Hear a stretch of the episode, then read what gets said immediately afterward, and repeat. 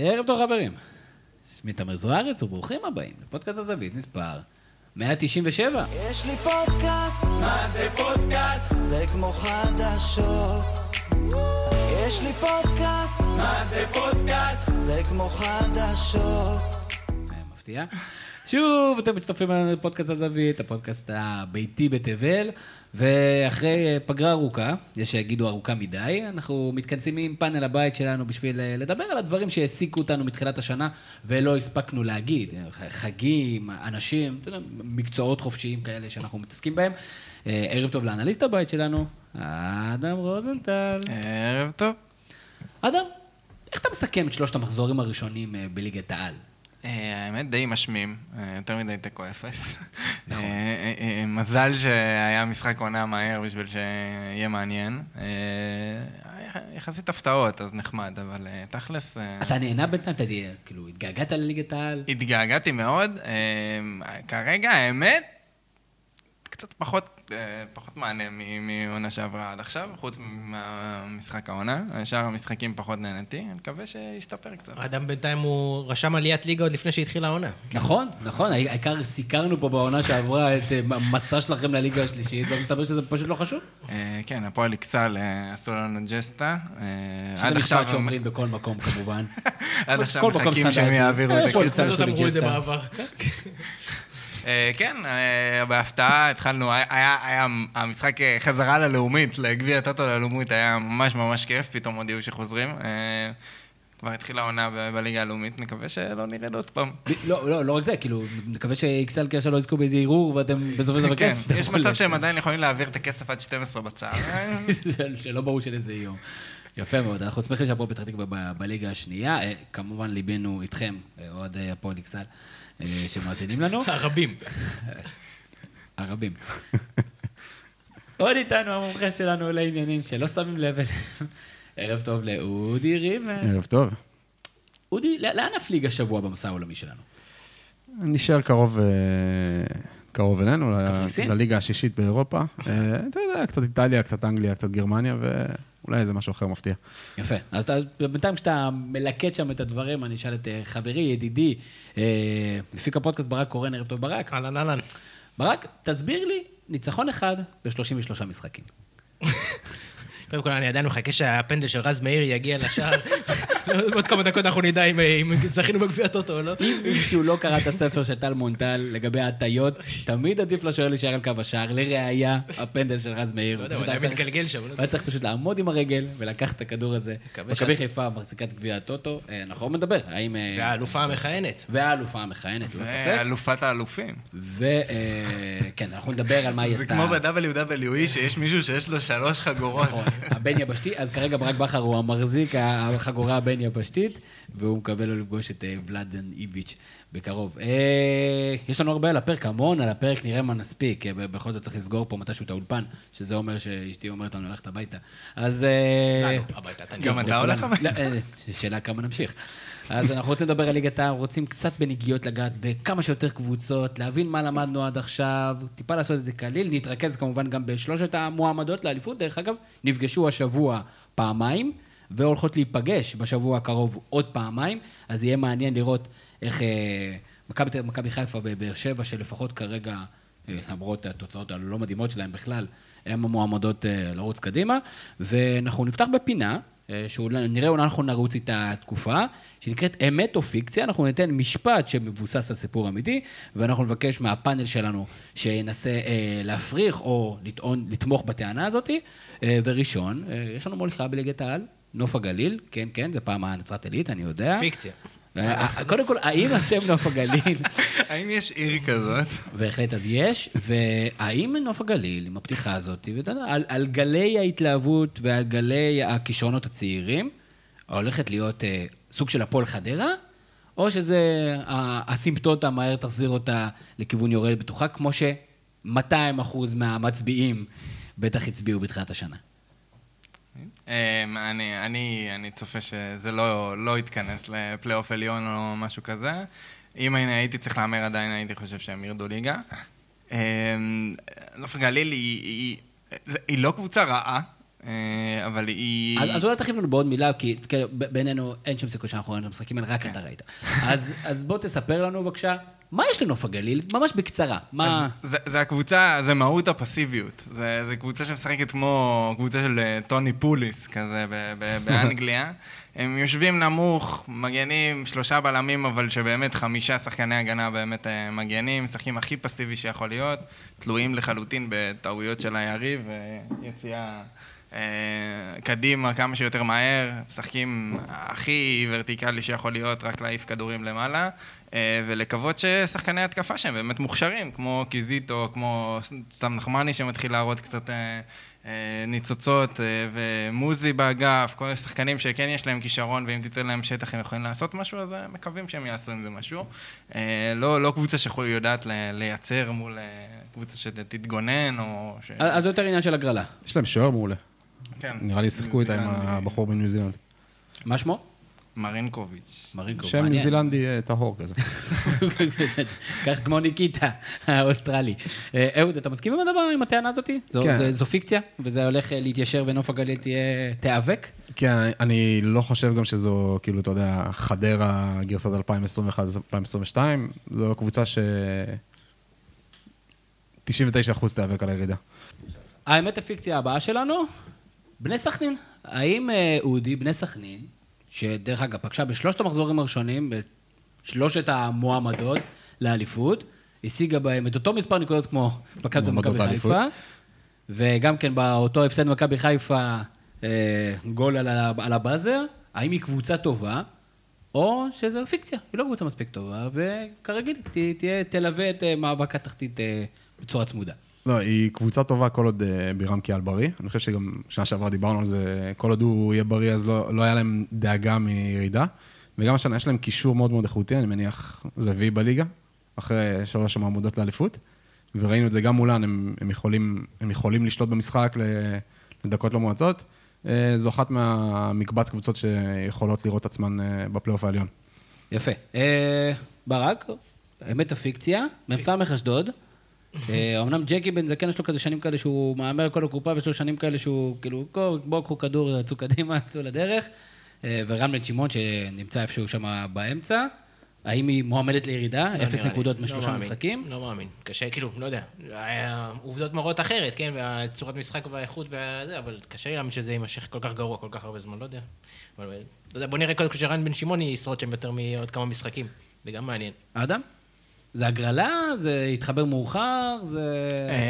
אה, זה, אני לא יודע אם זה הגרלה, אבל זה הרבה פציעות ופשוט עיבוד של המון איכות. כאילו, ארבעה שחקנים אה, הכי טובים בחלק הקדמי. בוא ננקוב בזה בש- בשמות. מגורדנה, שלומי- אזולאי, דין דוד אבל ויחזקאל הם עונה תמיד אה, שעברה. מאבדים שחקנים לא עד כדי. כך, אני חושב שאשדוד בשנתיים האחרונות, מה שהם עשו זה הם בנו סגל ישראלי, יחסית בוגר, ש- שהוביל את הצעירים ואת הזרים הצעירים, זה היה הקונספט, שיהיה שחקנים ישראלים מובילים, שנפלו כזה מהגדולות, והנה נשקם לכם את הקריירה, או נקפיץ אתכם, ועכשיו הם פשוט איבדו את כולם. כלומר, הסגל הישראלי שלהם הוא מהחלשים בליגה, מה שנשאר זה דווקא הקו הגנה ו- וזרים שדווקא נשארו. אז כאילו, זה הכל שאלה שכרגע לא, לא רואים איך הם יבקיעו גול. אה, אבל- ביו מחטיא כל דבר שיש. כן, ביו שם בכושר הבקעה נוראי, אה, אינברום כבר נפצע, בריאון נפצע. כנען כאילו, פצוע. הרבה- כן, ממש הרבה, הרבה חוסר מזל, כנען ממש ארבעה, חמישה חודשים לא ישחק. אה, יש כמה שחקנים, עוז בילו נראה טוב, אה, יש שם שחקנים שיכולים להיות פתאום כישרונים, אבל זה לא שחקנים מובילים, וזה כאילו... רואים שהם עדיין מאומנים, ועדיין הם משחקים את השיטה שמנסה לגרום לזה שהם אלה שיכריעו עם המשחק, לאיזה כיוון המשחק ילך, כי הם באמת משחקים עם הנעת כדור ועדיין מנסים להשתלט על המשחק. פשוט זה, זה הולך לרעתם כרגע, כי הם פשוט לא מספיק איכותיים בשביל לשחק כמו קבוצה דומיננטית.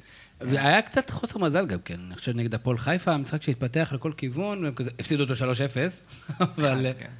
3-1, אבל זה היה... במחצית הראשונה הייתה יכלה ללכת לכל כיוון. כן, לגמרי, גם, גם נגד הפועל תל אביב, הם פתחו את המשחק הרבה הרבה יותר טוב, ו- והפועל תל אביב הבקיע משער ברגל ימין של מגן שמאלי, אה, אבל, אה, אבל, אבל, זה, אבל זה לא כזה מפתיע שאתה קבוצה בלי הרבה איכות ש- שמשחקת קצת לידיים של היריבה, כי אתה שולט בכדור ומשאיר שטחים מאחורה, אז אה, אתה קצת מבקש את זה. יפה. אה, ברק, אמת או פיקציה? הפועל תל אביב, קבוצת פלייאוף עליון, קל. לא. פיקציה, קל. אין סיכוי שהם פלייאוף עליון. אין סיכוי. אין סיכוי. אין. אתה מבין שאנשים כאילו יחתכו. את זה וזה ירוץ, זה ירוץ ברשתות. אין סיכוי. אני, אני, אין אני, סיכוי, נו. אז בואו נחשוף את הקהל, שאנחנו התערבנו על זה. אני התערבתי, איתך, לא על זה. על משהו אחר לגמרי. משהו היה, הילדה שלך ואני והילד שלי, סתם, לא. אה, אני התערבתי אביב תיקח דרבי אוקיי. השנה.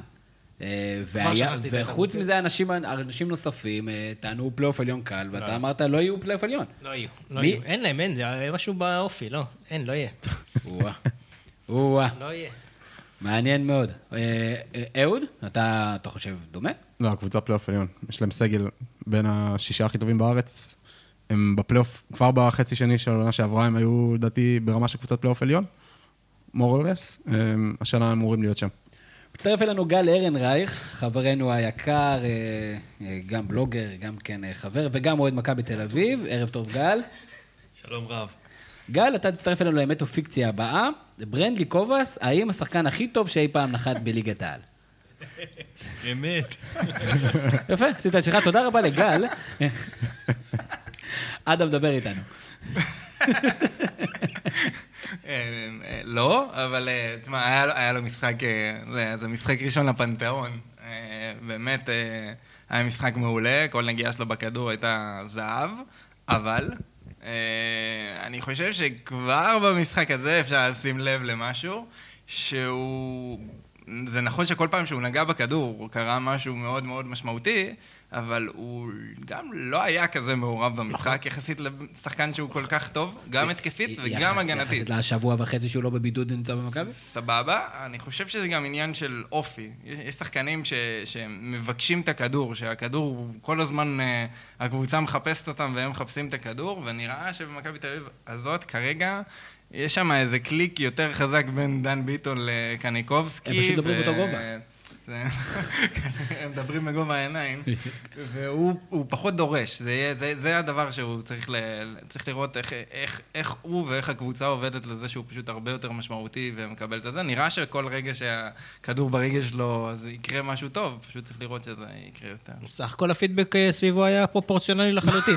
כאילו, מאוד מאוד, לא, מאוד כאילו, מאוד פרופורציונלי. הרגשתי שכאילו הכל היה מתון, רגוע, הבינו שזה משחק אחד. כן, כן. הכל היה בסדר, כאילו, אהבתי נעים כזה. כולם היו למדנו את הלקח. של שנה שעברה, לא, של לא רא- שופטים של זרים. ראיו, אה, של גדיר שדפק רביעיות, הכל בסדר, כאילו, לאט לאט. המש"א, כן. אה, הקולץ אה, הוא וואקמה החדש, אה, כן. כן, כן, לאט לאט. אני לא- אני לא בטוח שמעתי, שמע- לא- לא לא יודע אם שמעתי הרבה וואקמה החדש, אני לא בטוח שזה יצרפו הרבה לשיח. אה, וגל, וברצינות, אה, מה בכל זאת כן אפשר לקחת מההופעה הזאת, אחרי שכאילו הסתלבטנו ואמרנו שזה חסר פרופורציות לחלוטין? שקודם כל, זה היה יותר דומה לסרטונים ממה שחשבנו שזה יהיה. זאת אומרת... היה אה, נאמן למקור. כן, ראינו סרטונים מדהימים, אמרו, רגע, אבל זה לפני שנתיים, אה, מאז הוא היה באמירויות או וואטאבר, ולא ברור מה יהיה, וזה היה נראה מדהים, אבל אה, זה- גנבת דעת להגיד, כאילו, זה השחקן הכי טוב, understatement להגיד אפילו. כן. זה השחקן הכי טוב שנחת פה, אבל לדעתי, אה, אנחנו כן נראה ממנו דברים יפים מאוד, אה, וזה לא משהו שהוא חד פעמי. אה, לגבי ההגנה, אה, בסדר, טוב שיש את ג'רלדס שם, שלא כ- לא כזה אוהב לעלות. אה, אני חושב שכשבדרך כלל יש לו שם את אילון אלמוג, אז הוא מרגיש מאוד מאוד בנוח עם קוואס. לגמרי. בוא נגיד שהוא וקנדיל, אה, קוואס וקנדיל, יהיו צמד פחות טוב. אה, כן, בוא נראה אותו. אני, אני רוצה להגיד מילה על, ה- על, על קובאס. אה, אני חושב שזה מתחבר פה לשני אלמנטים. א', הבמה, זאת אומרת, משחק, העונה, מכבי חיפה, וזה דרך אגב גם כן הבעיה.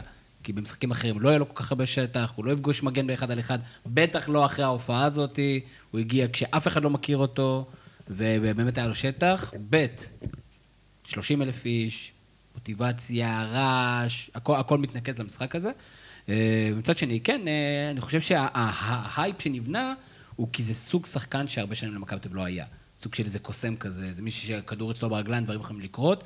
אז זה כמובן שיש לנו כל כך הרבה דוגמאות טובות לשחקנים שהגיעו לפה, ואתה אומר, אוקיי, הבנו, אחרי- לקח לנו קצת זמן, אבל הבנו אחרי כמה דקות למה הם הגיעו לפה. אה, מצד שני, יש לנו שרי כזה, או שחקנים כאילו שהגיעו וכאילו lived up for the, for the dream. ו... אני רק אומר, אני- אה, כאילו, יש סיבה שהוא הגיע לפה. כאילו, עם כל הכבוד לליגה אבל שלו. גם שרי, זה, זה מה שאני נכון, אומר. גם שרי, כאילו, אגב. עכשיו, שוב, האם הסיכויים לטובתו? לא. הסטטיסטיקה לא לטובתו. נכון, יכול להיות שהוא באמת יתגלה כשחקן הכי טוב שהיה פה אי פעם, והכל נהדר, או שחקן מצוין, לא משנה, הכי טוב, אבל... אנחנו צריכים לחכות, להיות סבלנים, להבין את הסיבה שהוא הגיע. או שהוא פציע, או שהוא לא יציב, או ש... הכל יכול, יכול להיות שזה היכולות שלו שהוא בפיק, אבל הוא ייעלם פתאום. נכון. צריך לה- סבלנות, מה שנקרא. אין אין ספק, אה, כן, כולנו מסכימים, בחורה אה, מרשימה. לא יודע אם זה פיקציה, זה עדיין כנראה לא אמת. זה, אנחנו בהחלט אה, נסכים עם זה.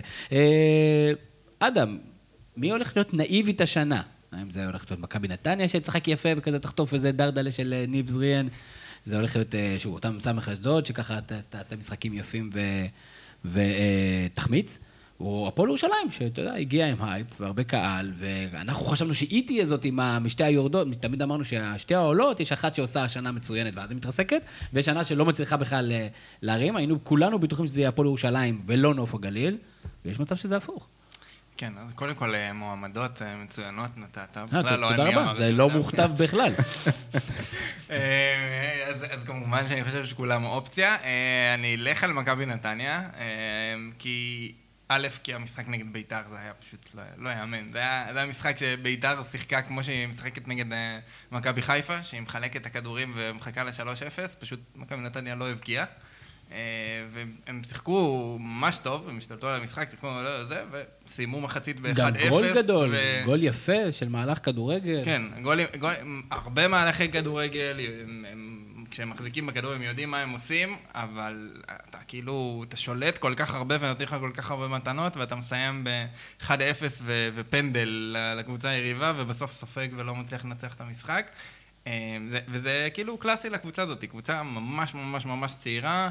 אה, ש, שהיא גם בעצמה אוהבת לחלק מתנות. זה, זה שיא הנאיביות. אתה גם מחמיץ, גם מחלק מתנות בעצמך, זה ההגדרה של אה, קבוצה נאיבית. יפה, אז מכבי נתניה היא היא הזוכה בפרס הנאיבית. אה, אודי, האם גביע טוטו, האם זה תואר? אמת או פיקציה? אה, אולי ליום אחד של ככה התלהבות וטונטינג לאנשים. בגדול, אני, אם לא, הייתי, אם לא הייתי בא לפה לשבת עם כולם, לא הייתי רואה את אז המשחק. אני חולק עליכם, אני חושב שגביע טוטו הוא תואר.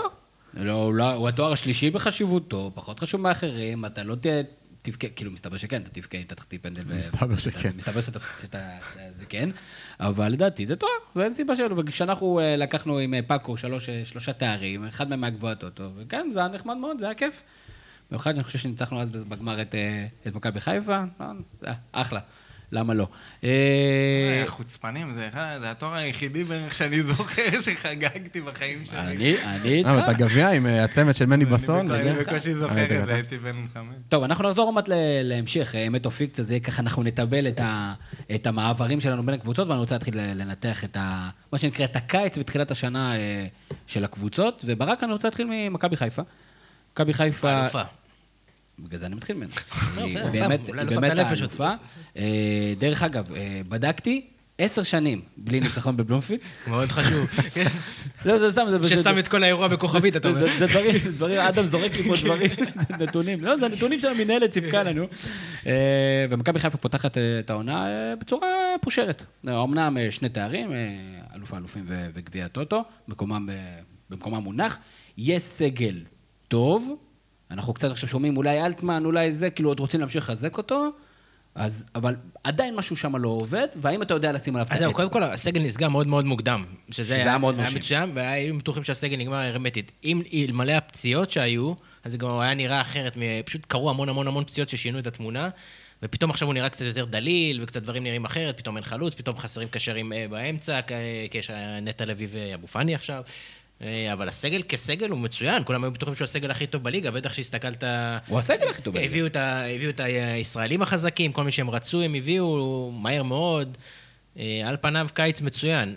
גם, זאת אומרת, העז- העזיבה היחידה המשמעותית הייתה רוקאביצה. נכון. זאת אומרת, וגם שהשאיר אז, ו- בזמן אמת, ו- גם אני אמרתי אפילו, בזמן אמת, זה היה נראה כאילו בסדר. כאילו, הוא הוא דורש מושחת. הרבה יותר מדי על שחקן שהוא עם יותר מדי סימני שאלה.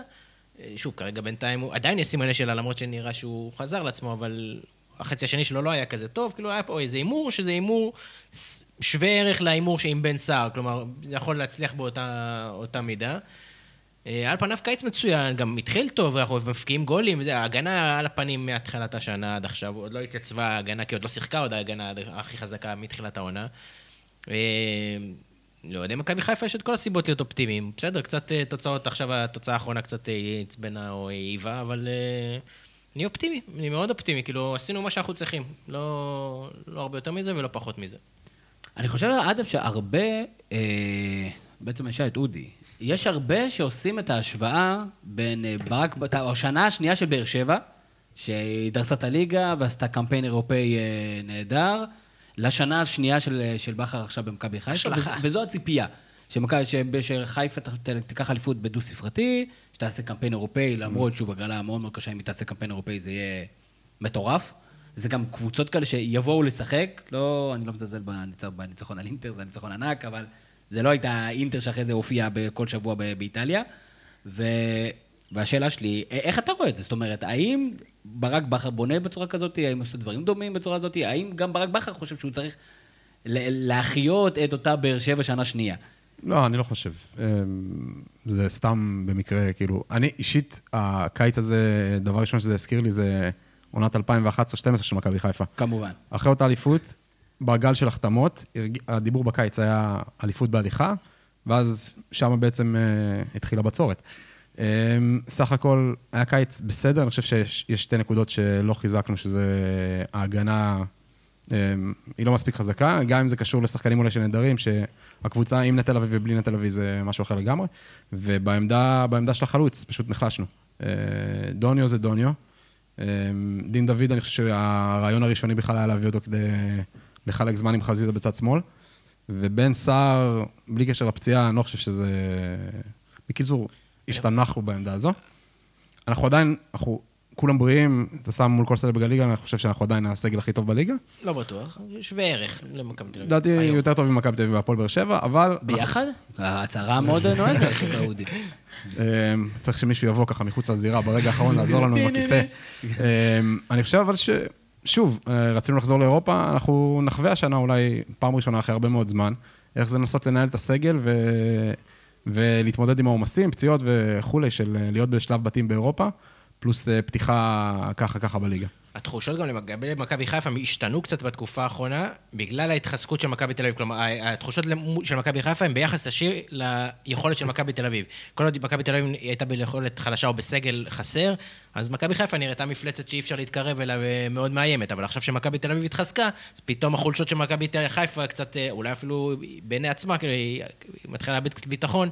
ופתאום היא לא נראית דומיננטית בצורה בלתי, כאילו, תיקח פה אליפות בהליכה, כמו שאחרים חשבו, לא אני, אבל אה, שזה יקרה בתחילת שנה. בוא, בוא נרד לזה קצת יותר אה, לקרקע, אדם, כי בוא נשים שנייה את מכבי תל אביב בצד, ואני יכול להבין בעצם את ההקבלה, כמובן שזה חלק אה, חשוב בהשוואה של קבוצה, אבל מכבי חיפה שיחקה שלושה משחקי ליגה, בשלושתם לא הייתה טובה. בסכנין, כישרון, ומשחק נהדר של של אצילי, בסופו של דבר לא לוקח את הנקודות. נגד חדרה היא יכלה גם להפסיד 2 או 3-0, זה לא היה איזו הפתעה גדולה באיך שהמשחק הזה התפתח. מה חסר למכבי חיפה? זה באמת רק נטע לביא? זה המגנים שעדיין עושים קפיצת המדרגה? מה זה? אמ, אני לא בטוח שאני מסכים עם הניתוח שלך בצורה מלאה. אוקיי. אה, אני חושב שאיזה... חיפה התחילה את העונה הזאת במצב ש... כמו שברק אמר מקודם, ההגנה במצב לא טוב, ואנחנו נסתדר ש- כי שמה התקופה- מה זה אומר אבל? פלניץ' נמצא, רז מאיר זה אותו רז מאיר משנה שעברה, והביאו את ה- את השחקן אה, השחקן הזר שהוא עדיין לא נכנס, אבל רז גם- מאיר שנה שעברה רץ רוב העונה. פלניש לא שיחק את כל המשחקים, ארד. ארד לא משחק מתחילת העונה, ארד מאוד משמעותי בשני הצדדים של, ה, של המגרש, ופלניש הוא גם בלם שצריך לידו אה, אופי מסוים של, של הבלם. גם המגן הימני שקנו לו, כביכול. אה, לחלוטין, כאילו, גם סטריין עוד לא נכנס לעניינים. אני, אני שמעתי גם כבר רכשים על זה שהוא פלופ, אני, אני לא יודע. אני, אני בסדר, אמרו את זה גם שראיתי על סבורית היה אחרי שני. משחקים. בסדר. אה, אני חושב, כאילו, פלניץ' הוא בלם מאוד מאוד מאוד אגרסיבי, ו- ובגלל זה גם יש לו קצת בעיה, דווקא כששמים אותו בצד ימין, והוא בלם עם רגל ימין, הוא... יש לו נטייה לשמור אישית ולהיות, ללכת עם כל שחקן למאבק בכל מקום במגרש. ארד יודע לשחק עם זה, ובצד שמאל הם, יש להם איזשהו מבנה של לכסות על זה תמיד. אה, גם כי סן מנחם פשוט מאוד אתלטי ויש לו את היכולת לחפות עם מהירות והכיסוי שלהם אה, ההגנתי אה, עם רודריגז ועם אבו פאני, הם פשוט יודעים מה לעשות עם פלניץ', כשזה בצד השני זה עובד פחות טוב. ארד גם עם הכדור הוא מאוד מאוד מאוד משמעותי. אה, ובכללי, כן, כאילו חיפה היא קבוצה מאוד אסרטיבית בגישה שלה. הם לא, הם לא, גם כשהם מאבדים כדור, גם כשהם תוקפים, אז הם עושים את זה בצורה ש- שהיא קצת אולילי, ברמה של כאילו... אנחנו תוקפים ואנחנו רוצים את הכדור עוד פעם, ואם אנחנו לא נשיג את הכדור, אז או שנעשה עבירה או ש, שיהיה בעיה מאחורה, וזה בסדר, כי הם, הם מאמינים בהתקפה שלהם וביכולת שלהם לכבוש, ורוב הזמן זה גם עובד. אה, מול חדרה זה, זה, זה, כאילו, זה לא עבד כי היה לחדרה בסוף כמות הזדמנויות דומה לחיפה, אבל זה לא שחיפה לא שיחקה טוב. אבל ההזדמנויות של חדרה היו הרבה יותר לא, טובות. גם, לא, לא נכון, גם לחיפה היו הזדמנויות טובות, שתי הקבוצות אה, היו בהזדמנויות ממש טובות, ורז מאיר היה שם איזה ארבע פעמים בתוך הרחבה עם הכדור, שאתה יודע, כדור עומק, או רוחב אחד שהוא בטעות פוגע במישהו וזה לא, גול, זה אבל לא זה, לא, זה, זה לא מתאים לך, אדם. יש הבדל בין לתת מצב שאמור מגן לעשות ממנו יותר, כשאתה לוקח הימור מושכל ואתה משאיר לו לשחק. אני לדוגמה אין לי בעיה שרז מאיר יבוא לשחק איתי אחד על אחד, ושנתת לו לשער פתוח, אני ארגיש די בנוח מהסיכויים שלי. לעומת מוחמד גריר, שהוא החלוץ של הקבוצה, שמקבל כדור אחד על אחד, וצריך לשים את הכדור ברשת. אז יש הבדל של איכות מצב. תיזהר או שישלפו לך את ה-XT ולא XG, זה משהו מתקדם יותר ויסביר לך... לא, לא, לא כזה. קודם כל, רז מאיר שנה שעברה ברצף, נתן בישולים בדיוק בגלל הדבר הזה, כי כשאתה משחק עם שחקן אגף שיודע לשים אותך במקומות האלה, כל מה שאתה צריך לעשות זה למסור את המסירה אחורה לשחקן שבתוך הרחבה, ואת זה לא צריך הרבה יכולות בשביל לעשות. חוץ מזה, המטרה של חיפה בסוף זה להביא את הכדור לשליש הקדמי, ששרי, חזיזה ואצילי יהיו עם הכדור באזורים שהם מסוכנים בהם, ואם הם מאבדים את הכדור, אז להשיג אותו עוד פעם. זה מה שהם עשו. אם פחות הולך הפעולות בתוך הרחבה או בזה, או פשוט הכדור לא נכנס, זה בסדר, זה לא שהתוכנית משחק עכשיו לא עבדה וחיפה משחקת קטסטרופלי, אני לא, אני לא חושב שזה נכון, וזה גם, גם סכנין ככה, וגם מחצית ראשונה נגד מכבי תל אביב, בסוף חיפה שיחקו טוב. אה, אני לא חושב שיש פה איזושהי קטסטרופה מהצד שלך. לא, מה שצריך להדאיג את חיפה כרגע זה קצת התלות באצילי, קצת יותר מדי. המספרים שלו מדהימים ופונומנלי, אבל יש קצת תלות, גם חזיזה נחלש, לא יודע אם זה ביחס ישיר לזה או לא, אבל אה, שוב, פלניץ' עוגן בהגנה, שרי בקישור, אבל, אבל יש תלות במספרים של אצילי, או בבישולים או בגולים, וקצת אה, מפחיד. אני מאמין שזה דווקא כן יתאזן, כי בסופו של דבר, כי גם חסיזה וגם שרי הם שחקנים לא, לא, לא פחות שחקנים של מספרים. שרי הוא שחקן יותר מספרים אה, מסורתית, גם בשנתיים האחרונות, מאצילי. אז אה, אני חושב שזה כן יבוא. מה היה נקודתית נגד מכבי תל אביב? נקודתית נגד מכבי תל אביב. או במחצית השנייה נגד מכבי תל אביב. מכבי תל אביב שיחקה מעולה. מכבי תל אביב פתחה את המחצית השנייה בצורה מצוינת, אחרי שהמחצית הראשונה הייתה מאוד פסיבית במשך איזה חצי שעה. סוף המחצית היה איזה כמה דקות בתוספת זמן שפתאום מכבי תל אביב מצאה את עצמה עם ה... כשהכדור כן הגיע לקרוס באזורים של אחד על אחד עם סן מנחם, פתאום מכבי תל אביב מצאה את עצמה במצבים ממש מסוכנים, ואז מחצית שנייה... איכשהו הם השתלטו על הכדור יותר, דן גלאזר וייני קלטו שמכבי חיפה, אמצע, זה המקום לתקוף אותם, ופשוט... שזה אבסורדי, זה... כאילו, יחסית לעומת אה, מה שהיית חושב על יחסי הכוחות אה, במשחקים שגולסה לא נמצא בהם. אמ, גם מכבי חיפה שיחקה עם אמצע יחסית פתוח, שתי הקבוצות באו רק עם שני קשרים עם אה, יכולת הגנתית, ומכבי תל אביב באמת שיחקה מאוד לא אופייני עם השני קשרים שלה, גם גלאזר וגם ייני. בדרך כלל הם השחקנים שכשהם משיגים כדור, אז המחשבה הראשונה שלהם זה למסור אחורה או לארגן את המשחק, ופה הם שיחקו בדיוק הפוך, הם שיחקו דרך האמצע, קווים קדימה לדן ביטון, לקוואס, כל פעם שהם חטפו כדור או קיבלו כדור מהבלמים, הם חיפשו את, את, את האמצע, וככה משחקים נגד חיפה. כל קבוצה שמשחקת נגד חיפה, ככה מגיעים להזדמנויות נגד חיפה. בעיקר בלי נטע לביא. זהו, זה בעיקר בלי נטע לביא, אבל לא רק. והם עשו את זה מצוין, כלומר, וכאילו... זה היה ממש ארבע, חמש פעמים, גלאזר גם השתחרר בלחץ ממוחמד מסר קדימה, ייני מצא את דן ביטון. יצאו מאוד כאילו, מהר קדימה, כן, כל, כל הזמן חשבו זה... קדימה, וזה מאוד לא אופייני למכבי תל אביב, וזה היה התאמה ספציפית לנגד מכבי חיפה, וזה פשוט עבד כמו שהם תכננו. מה התחושות שלך, אודי, כשאתה יוצא מהמשחק הזה?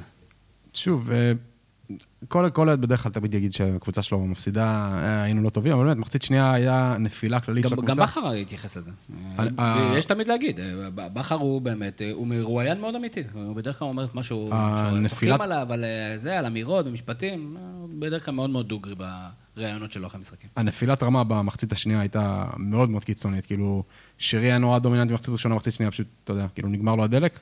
אה, אבו פאני יצא, אה, פשוט הרגיש שכולם, אני לא יודע אם זה עייפות או, או פשוט האנרגיות של מכבי תל אביב אה, הכריעו אותם.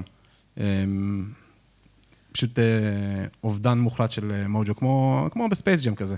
כאילו שאבו קצת כוחות מאנשים. כמובן. דרך אגב, התייחסת למשהו מאוד מעניין, שגם יש גם במכבי תל אביב וגם במכבי חיפה, המשחקים באירופה, וכמובן שמכבי תל קצת יותר מנוסה בזה, בטח בשנים האחרונות, וגם עושה רושם שיש להם הסגל שלהם, שהשחקנים שהם משתתפים שם, קצת יש יותר טיפה רוטציות, לפחות עד עכשיו היה אולי בצורה כפויה, כי לא היו שחקנים אחרים, ואז בשלב מסוים הם הגיעו. זה הולך להשפיע במכבי חיפה? אה, אני בטוח שכן, אנחנו כבר רואים אה, שני שחקנים אולי הכי מרכזיים במרכז המגרש, אבו פאני ונטע לביא לא יהיו. אה, כן, אין ספק, אתה יודע, יש לך, אם אתה צריך לעשות רוטציה בין סן מנחם לשון גולדברג, יש לך נפילה ברמה. מגן ימני מחליף, כרגע אין. חלוצים, כרגע מאוד לא, ברור- לא בחרו עדיין מי זה יהיה. לא. בחור מי, מי זה יהיה בדיוק. אה, אז כן, זה הולך להשפיע. העמדות היחידות שיש שפע יחסית זה העושי משחק באגף שלנו, אה, אבל אין ספק שאני רואה עוד אה, מתיחות שריר או מנוחות ורוטציות בדרך. אני מניח שלכולם. ברק, בוא נדבר רק על הדבר האחרון. אה, עמרי אלטמן, או כל חיזוק אחר שמכבי חיפה רוצה להביא כרגע, בשוק, מה- מ- בשוק השחקנים החופשיים, אני חושב שאלטמן הוא אולי הוא הכי נוצץ, אבל אה, אתה היית מחפש עוד שחקן? עוד מקום להתחזק בו? זה יותר, אני רוצה להאמין שזה יותר, אה, שלא יהיה במקום אחר מאשר שיהיה אצלנו. אה, שמעון מזרחי סטייל. כן. אגב, אין לי בעיה עם זה. פעם, חיפה זה היה עוצמה של כל שחקן ישראלי טוב בשוק שיגיע. לא, כל יש- שחקן טוב בהפועל פתח תקווה. כן, גם. יש מספיק משחקים. כן, לא לא חושב שזה must, אבל אה, כן, זה לא יכול להזיק, אני חושב. כן, ואדם, אתה בדיונים הפנימיים שלנו גם התייחסת ואמרת, הוא יודע לא רק לעשות אה, אגף, הוא יכול לעשות משחק גם גם באמצע, מאחורי החלוץ, זאת אומרת, יכול להיות ורסטילי אלטמן- למכבי חיפה. אלטמן יכול לשחק אגף שמאל מאחורי החלוץ, חלוץ, ו- ואיך שחיפה משחקים הוא גם יכול לשחק כאילו עוד קשר. אם אפשר, בלי הקשת, ואנחנו מסודרים. בלי הקשת, בלי, עם שיער קצר, אז כאילו, אם זה שיער ארוך. זה היגיון מסוים. אז מכבי חיפה עדיין הפייבוריטית בעיניי, אה, ועם הסגל הכי שלם, וגם המאמן הכי, שוב, מאמן- מוכח, מאמן מוכח אה, וידוע, ומכבי תל אביב יש עוד... אה, זה, אנחנו עוד נגיע למכבי תל אביב, ולא בטוח שמשחק אחד מבשר על בוא האביב, כמו שברנדלי הוא לא השחקן הכי טוב אה, בעולם, עדיין. יכול להיות שהוא יתפתח אחד כזה, הוא פותח להיות השחקן הטוב בעולם. אה, נמשיך עם קצת אמת או פיקציה. אה, אמת, אדם, יש להפועל חיפה וליברפול חידוש טקטי דומה. אמת או פיקציה? אמת. כן, אז- בוא תספר לנו מה אמרתי עכשיו. כן. תשמעו, זה- פיקציה, תכלס. אלון תורג'מן זה מנמינו. אה, בערך, האמת, לירן סרדל זה אנדרסן או ארווי אליוט. אז- לירן סרדל הוא אחלה שחקן. הוא בדיוק מהשחקנים האלה שקבוצות אמצע טבלה צריכות שיהיו האמת- להם. האמת, הוא זה באמת אוד- אחלה אודי שחקן. אומר את זה הרבה, זה בדיוק השחקנים האלה שחבל שלא נשארים יותר בקבוצות שלהם לאורך זמן, ו- ושאין לנו יותר שחקנים שהם הרבה שנים בקבוצות אמצע שלא מתקדמים. ו- אתה יודע שאני חשבתי שזה שלומי אזולאי יהיה כזה באשדוד, ואני ממש התבאסתי, גם כשהוא הלך לפועל, אבל התבאסתי באופן ספציפי, כי אמרתי, תשמע, הוא ירד לקבוצה תחתית, אתה אומר. זהו, בפודקאסט לא, בגלל שכאילו אמרנו שזה לא יהיה, נכון. שחבל שלא בונים סביבו, זאת אומרת שיש כוכב שאתה יודע שאתה מגיע לאשדוד, ואתה אומר, אה, אני הולך לפגוש עכשיו את שלומי אזולאי. גם גורדנה וגם שלומי כאילו, אזולאי. יש איזה אבל- איזה כיף שהיום, כשבעולם המודרני, בטח עם בוסמן והכל, ששחקנים נגמר להם חוזה והם יכולים לעבור, פתאום הפך להיות כזה מבאס, שאין לך את המתיו לטיסיה הזה, שאתה אומר, אה, אני הולך לפגוש את סאוטהמפטון, אני הולך לכתוב מתיו לטיסיה. אתה יודע, ראול תמודו. אתה יודע, כל- מיני כאלה. אז אה, לירן סרדה. בדיוק. אז לירן סרדל, סבבה. אז אה, אחד הדברים שליברפול עושים העונה שונה מעונות קודמות, זה שעונות קודמות ראינו אותם מרווחים את המשחק בעזרת, בעיקר בעזרת המגנים, כלומר, שחקני אגף היו נכנסים יותר לאמצע, פרמינו יורד למטה, שחקני אגף נכנסים יותר לאמצע, ואז הם מרווחים דרך המגנים. אז העונה הם עושים משהו שונה, השחקני אגף עדיין נכנסים לאמצע, זה בעיקר בצד ימין, סאלח נכנס לאמצע. אה, ו... ארנולד, אה, טרנט לא, לא עולה למעלה, אלא הוא מרווח את המשחק בצד ימין, ודווקא הקשר הימני עולה ממש לאגף. כלומר, הופכים את המשולש לגמרי. מי, מי, הקשר במקום להיות במרכז, עולה ממש לצד ימין לאגף, ואז הוא באמצע מעל הארנולד, ובאותו קו כמו סאלח. פביניו כזה לוקח אה, ימינה, או האנדרסון? אה, אלי- אליוט עשה את זה בתחילת העונה, ועכשיו אנדרסון עשה את זה במשחק הקודם, ואז אני ראיתי את הפועל חיפה בשני משחקים העונה, פתאום אני רואה שחנן ממן נכנס לאמצע, ולירן סרדל פתאום עולה, לא הולך לצד ימין, ודור מלול נשאר מאחורה כמו טרנט, ואני אומר, רגע, זה מוכר לי מאיפשהו, אז אה, זה לא מעניין אם זה... זה רק אתה תוכל לשים לב לדבר הזה. דרך אגב, לא בטוח שסרדל יודע. לא, התפקיד האמת. שזה ממש מתוכנן, סרדל גם היה בקריירה שלו גם מגן ימני, והוא באמת מרים ממש סבבה, וזו עמדה שממש נוחה לו, גם הגיוני שממן ייכנס ל- ל- לאמצע, והגיוני שדור מלול לא יתעייף מריצות ל- ל- למעלה, כי הוא כבר ב- לא בכושר כמו שהוא היה פעם. אז יש פה איזשהו היגיון, לא יודע כמה יש- אלישע לוי אה, צייר את זה על הלוח או תכנן את זה לעומק, אבל זה משהו שהם עושים כי ממש ממש קבוע, אה, אה, ישר מהלוח של קלופ. ופתיחת עונה טובה של הפועל חיפה, אה, שאנחנו יודעים שזה באמת קבוצת מומנטום כזאתי. אה, עוד אה, משהו שהכתבת לי, הצמדים שהכי טובים ביחד, תן לנו איזה כמה כאלה. אני, אני כתבתי צמדים שאני הכי מצפה לראות. אה, כן, אז אתה צריך לצפה שהם יהיו הכי טובים ביחד. סבבה. אז אני מתחיל ממשהו מוזר, אלמוג כהן ורז שלמה. השני בלמים כרגע של מכבי זה נתניה. נשמע כמו תאונת רכבת. זה נשמע כמו תאונת רכבת. כן. אלמוג כהן הוא דווקא בדיוק השחקן הזה שהלך לקבוצה קטנה וכרגע נשאר שם והוא ה franchise. דרך אגב. בעונת הפרישה שלו, כפי שנחשף בשיחה עם אוהדים סתם בפודקאסט יהלומים באוויר, דניאל, אה, אחלה סקופ שלכם, וכל הכבוד לכם. כל הכבוד. ואם אתה לא תברך אותי על כך שאמרתי לך את זה, אני אזכור לך את זה. אז כן, אז אלמוג אז כהן. כן, ו- אז אלמוג כהן עונה שעברה הפך להיות אה, בלם, רז שלמה העונה הגיע למכבי נתניה. אה, אלמוג כהן שחקן, אחד השחקנים הכי חכמים בליגה, רואים בכל כל תפקיד שהוא משחק, רואים, זה לא היכולות הפיזיות וזה לא הטכניות, הוא פשוט שחקן אחי, חכם. זה בן אדם שלמד גרמנית. הוא חייב להיות חכם. כן, הוא, הוא באמת שחקן ממש חכם, ורואים כבר עכשיו שהוא מלמד את רז שלמה קצת... אה, גרמנית. את גרמנית. את תפקיד הבלמות, אה, ואני אני מצפה לראות איך זה יעזור לרז שלמה בהתפתחות שלו. אה, אלמוג כהן בעצמו, זה, זה ממש כיף לראות אותו משחק. הוא, הוא, הוא מגלה את פיקציית הלחץ של קבוצות. קבוצות משחקות אותה כאילו הן לוחצות, ואז הוא פשוט עובר שחקנים. פשוט מתקדם מעבר לחלוץ שעושה את עצמו, כאילו הוא לוחץ ומקבל את הכדור בתוך הקישור, הוא עשה את זה נגד ביתר איזה חמש פעמים.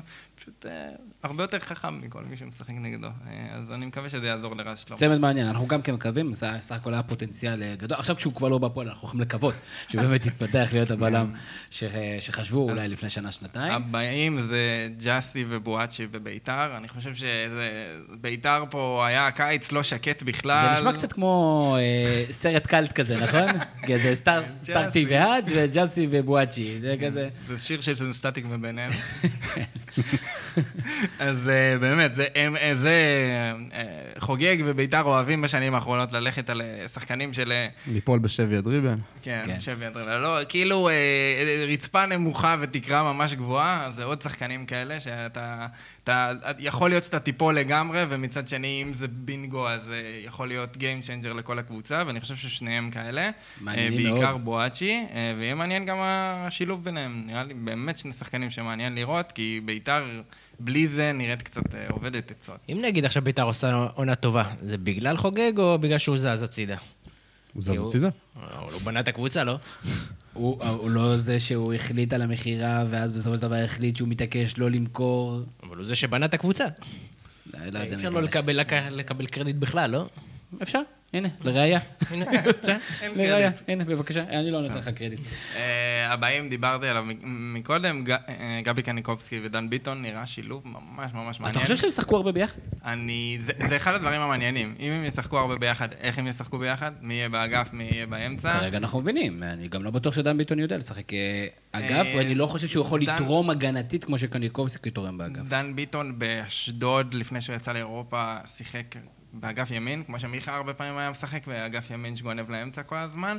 אה, פשוט צריך כיסוי הגנתי בשביל, בשביל הדבר הזה, אם משחקים ככה. לא בטוח ש, שעם המאמן הזה זה משהו שהוא ירצה, אה, אבל אה, כרגע זה נראה, גם תוך כדי המשחק, הם מחליפים מלא מקומות, הם ממש אוהבים לשחק אחד ליד השני, הם, הם משחקים הרבה על החלפת מקומות, גם נגד מכבי חיפה שאוהבת לש- לשמור מאוד אה, אישית, הם מאוד נהנו לעשות את, ה, את ההחלפות לא, מקום. כי- כישרון, ו- כישרון יש שם, אה, ו- וראינו שגם במשחק נגד מכבי חיפה באופן ספציפי, המחויבות מאוד גדולה, אני לא בטוח שזה מה שיכול לעשות. קניקובסקי, אני מצפה לעונה מעולה שלו. עוד שנייה נגיע למכבי תל אביב. כן, יש לנו אז- צמד אחרון? כן. דור מיכה וניקיטה רוקאביצה, שזה זה כאילו, זה צמד שלא לא, לא ברור איך הם לא שיחקו עד עכשיו ביחד, הם הכי קלאסיים שיש, המסירות של מיכה והתנועה של ניקיטה. אה, נקווה בשביל שניהם שהם יהיו בכושר טוב פשוט, כי ניקיטה לא ראינו בחצי עונה האחרון אה, זה, אבל אה, כבר במשחק האחרון שהוא נכנס הוא הגיע ליותר הזדמנויות מבאר שבע בכל שאר המשחקים באיזה עשר דקות. אז התנועה והמסירה ביחד יהיה מעניין. או ניקיטה, you will never know. יפה מאוד, אדם. תן לי, אודי, קצת נדבר על ליגיונרים. מה קורה באירופה עם הישראלים שמשחקים שם? אמ, דור פרץ הוחלף, דקה 50, ואז הם חטפו גול. אה, אחרי שהוא חטף. אחרי שהוא ירד, אז כן. ב- בפנטזי טוב. עדיין קיבלו עלינו נקודה. האמת, האמת, בגלל שזהבי, זה לא חדש שהוא בחו"ל, וגם עונה שנייה באותה קבוצה, דור פרץ, אמ, אולי קצת יותר מעניין לראות אותו, גם כי הוא עבר לליגה האיטלקית, שזה, אנחנו אף פעם לא רואים ישראלים שם. לא רואה, טל בנין. לא, כי בגלל שבוואן כבר לא משדרים ב-yes. אז בגלל זה לא, פשוט לא יותר רואים. מסוף פה, פה? פה, פה, פה, פה, פה. אז אה, כן, וסוף, שלא יודע, יקבל, אני מניח, אה, פירורי דקות פה אם ושם, הוא עובר פה, פה ב- ב- בסלון, ואומר לכם, שלום, קוראים לי סוף, אתם מזהים אותו? רק בגלל השם. אין עוד מישהו אחד שהוא נכון. סוף בארץ, נראה לי. אה, דור פרץ פשוט נורא מעניין לראות שחקן שהיה כל כך דומיננטי פיזי בארץ, עובר לליגה... הכי פיזית שיש? אחת הפיזיות. אחת הפיזיות? זה לא ליגה, היא לא ליגה מהירה כמו האנגלית או הגרמנית, לא משחקים שם כמו בליגה האנגלית והגרמנית, אבל זה כן ליגה מאוד טקטית ועם המון אמ, אגרסיביות באמצע. אמ, דור פרץ יצא לנו תכלס לראות אותו רק במשחק הראשון מול נפולי, וראית שזה, כאילו, קשה לשפוט לפי המשחק הזה, אבל ראית שזה ליגה אחרת לגמרי. יהיה מאוד מעניין לראות שאיך... זו ליגה אחרת לגמרי. כן. אה, גם מעניין ששמו אותו שש, ולא אה, שמונה כזה, כמו כמו שהוא התרגל אה, חצי אה, חמישי חמישים בישראל. האמת, בקיץ הם הביאו המון קשרים באמצע, אני לא מכיר את כולם, אבל הם התחזקו בעמדה הזו ספציפית, הם הביאו המון המון שחקנים שיהיה לו גם תחרות איתם, וכנראה בונים עליו יותר בתור קשר אחורי.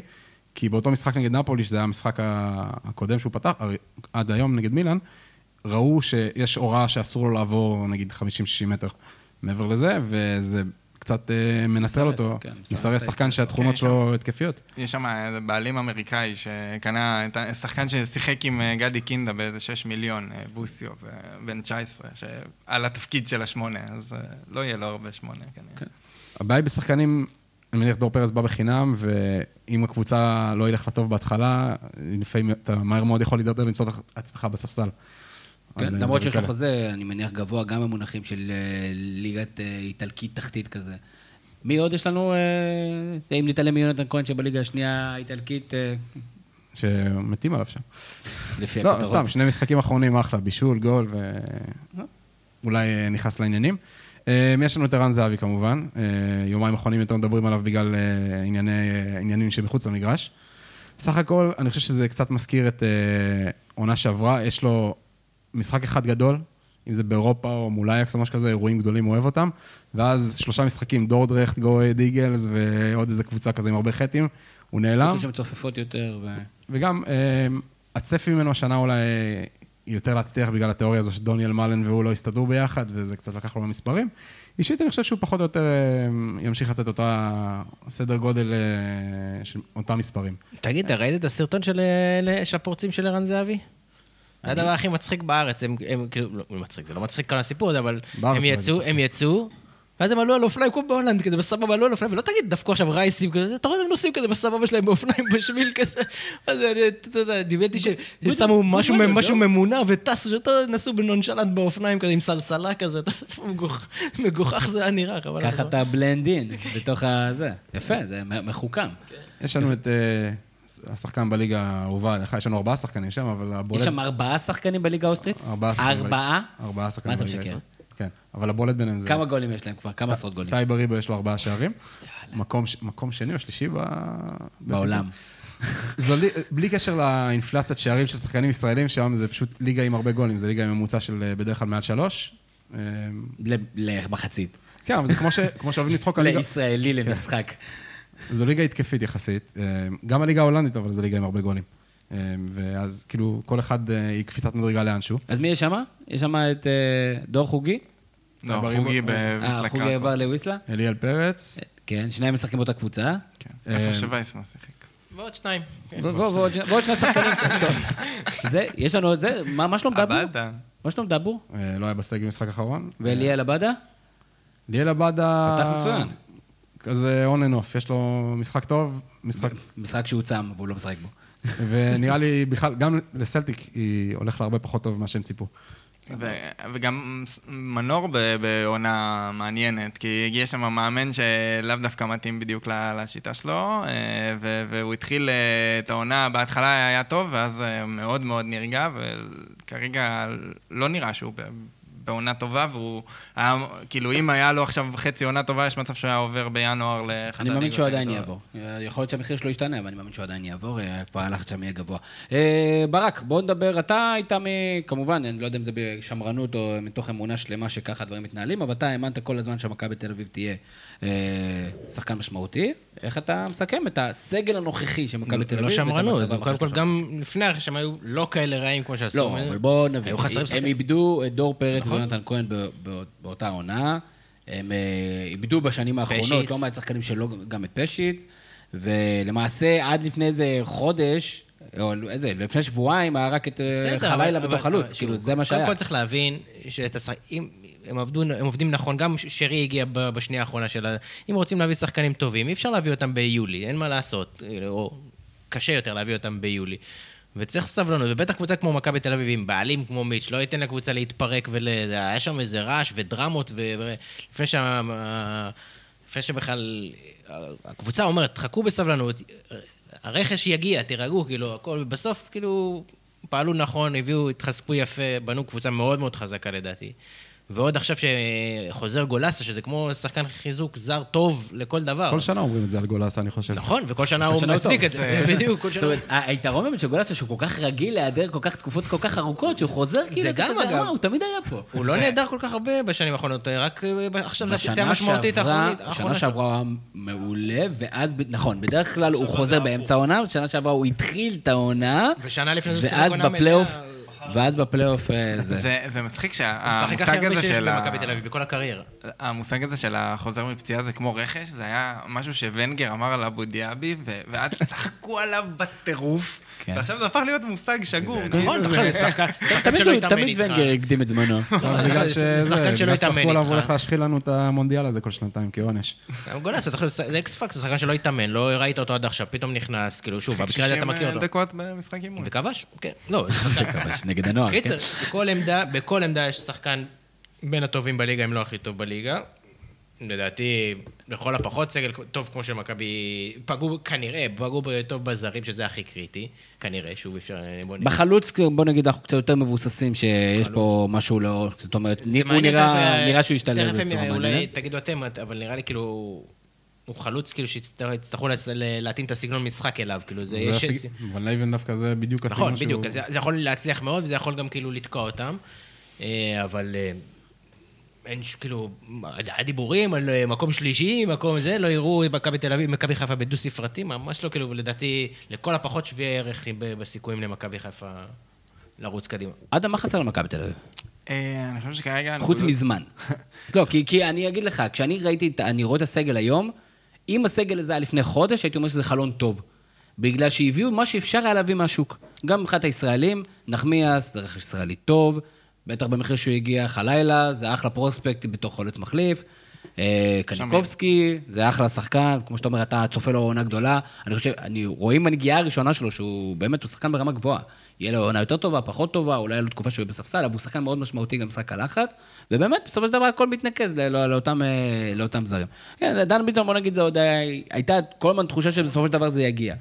אז א- א- אני, אני מאוד מסכים איתך, אני, אני, אני די, כאילו, טענתי את זה לאורך כל הדרך, אני מסכים עם ברק, אני לא הבנתי את, הדרמה, ואני חושב שהסוף היה בדיוק מה שחשבתי שיקרה, ואז אני לא חושב שבאמת כרגע יש פער בין, בין הקבוצות. אני חושב שמה שכן, אפשר לאפיין את הקיץ של שתי הקבוצות בצורה מאוד מאוד שונה. כלומר, חיפה הלכה לסגור כמה שיותר מהר, ובתקרה לא כזאת גבוהה, אלא אנחנו יודעים בדיוק מה אנחנו מקבלים, ואנחנו חושבים שמה שיש לנו מספיק טוב, לא צריך לכסות פה על כלום, אלא רק להשלים פערים. מכבי תל אביב איבדה הרבה יותר, והייתה צריכה לקחת הרבה יותר הימורים, צריכה היא יכולה ליפול הרבה יותר עם השחקנים שהיא קנתה, אבל מצד שני היא הלכה על שחקנים שאם הם מצליחים אז הם אמורים להיות מעל הליגה ויותר טובים ממה שהיה מקודם. זה מה שהיא עשתה עם קואס, זה מה שהיא עשתה עם, עם פריצה. אני חושב שזה מה שעצבן את האוהדים שלה, אולי תכף גל יגיד, כאילו, נגיד עלי מוחמד כזה, היה צריך להיות אצל יכל להיות אצל מכבי תל אביב, כי זה שחקן, אבל הם לא נלחמו. עלי מוחמד ספציפית, אני חושב שהוא פשוט יקר בצורה די רצינית יחסית למה שאתה יודע שאתה מקבל, כאילו זה סוג של לקנות כמו שחקן ישראלי מבחינת העלות, אביב חיפשו משהו שהוא עוד יותר קיצוני, כלומר, יש לך בחוץ שחקנים שהם משמעותית יותר טובים מהליגה, וזה מה שהם כיוונו אליו, אה, וזה, וזה בדיוק המצב, כלומר, אתה לא יודע איך זה, אם, האם זה יעבוד והאם זה זה, אני, אני מסכים, בסוף, מבחינת הישראלים, מבחינת התפקידים שהם מילאו וכל הדברים האלה, הם עשו קיץ בדיוק מה שהיה צריך. העניין פה זה בעיקר התזמון, זה לא האיכות וזה לא הבנייה. אה, אם יש נקודת תורפה כרגע, אני חושב שיש שני תפקידים שהם עדיין, כאילו, יש שם משהו שהוא לא ברור איך ישחקו ומי השחקנים מובילים. אחד זה בלם, והשני זה קשר ליד דן גלאזר. אני חושב שבשתי המקומות האלה עדיין יש מקום לשחקנים אה, אה, לבלוט, כלומר לא ברור מי, מי בכלל בהרכב האידיאלי של מכבי תל אביב היום, מי משחק ליד גלאזר, כלומר זה שמיר, זה ייני. זה גולסה. זה גולסה, אני יוצא מתוך הנחה שהוא לא, לא יכול לשחק את כל, ה, את כל העונה, יש משחקים שגולסה בכלל אמור לשחק את העשר אצל ון לבן, אז... אז מי משלים את השלישייה הזאת? וגם בבלמים, אני חושב שמכבי תל אביב לא פתחה את העונה טוב מבחינת מרכז ההגנה. אה, הרננדז אה, הוא, הוא לא, הוא, הוא כאילו, הוא לא הדבר הכי יציב בעולם, הוא מצוין עם הכדור, הוא לא מצוין בלי הכדור ברוב המשחקים, אה, ואז שיש לך בלם משלים שהוא לא באותה רמה, כלומר, חוץ מדור פרץ ויונתן כהן, מכבי תל אביב גם אה, שחררה את איתן טיבי ואת אה, איתי שכטר, שזה לא מעט מנהיגות ולא מעט ניסיון. אה, אז, אז בנושא הזה זה גם, צריך לראות איך אה, נחמיאס ואיך אה, טיב, איך, אה, אה, בלטקסה, איך, איך הם מתעלים ונכנסים לעמדה הזאת בכלל, זה עדיין שני סימני שאלה, ואני חושב שבתוך מערכת שעובדת, הרבה יותר קל. אתה רואה אופציה שסבורית? הוא יהיה זה שליד ארננדס? אני לא חושב שזה יקרה. אה, אם זה יהיה במערך שהוא יותר גמיש, לשלושה בלמים או משהו כזה, אם היה במאמן אחר, אז, אז יכול להיות איזשהו מבנה כזה, אבל לא נראה לי שבתור בלם. לדעתי, ואני אשמח לשמוע את דעתך, את דעת גל ואת דעתך, הסיפור עם טיבי די טעות. לא, לא הבנתי את הקטע הזה. גם עם שכטר אפילו, במיוחד שעדיין לא היה לך זמן אה, קלף ביד. אפילו אם רצית להיפטר מהם, כאילו זה היה קצת אה, תזמון מוזר, מה אתם חושבים לגבי הסיפור הזה? בטח, אגב, בטח אה, שהוא סיים בבאר שבע, שניהם אגב. אה, קודם כל אני מסכים, השחרור של טיבי הייתה טעות. אני חושב שיש שתי טעויות עיקריות שהיו למכבי תל אביב העונה ברכש. אחד זה כמו שאמרתם, עלי מוחמד, אני חושב שזה שחקן שהיה מושלם למכבי בתפקיד של השמונה.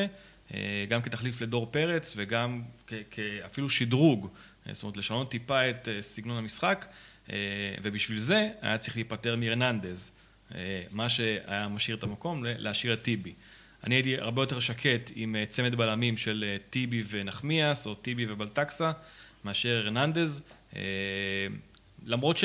זאת אומרת, בעבר ראינו שלזרים צריך יותר, יותר זמן להתאקלם ובעונה שנייה הם לפעמים יותר טובים כרגע זה נראה שהרננדז אפילו פחות טוב מעונה שעברה, אה, זה, זה הדבר הראשון, אה, אבל מעבר לזה נעשו הרבה דברים שהם כן טובים.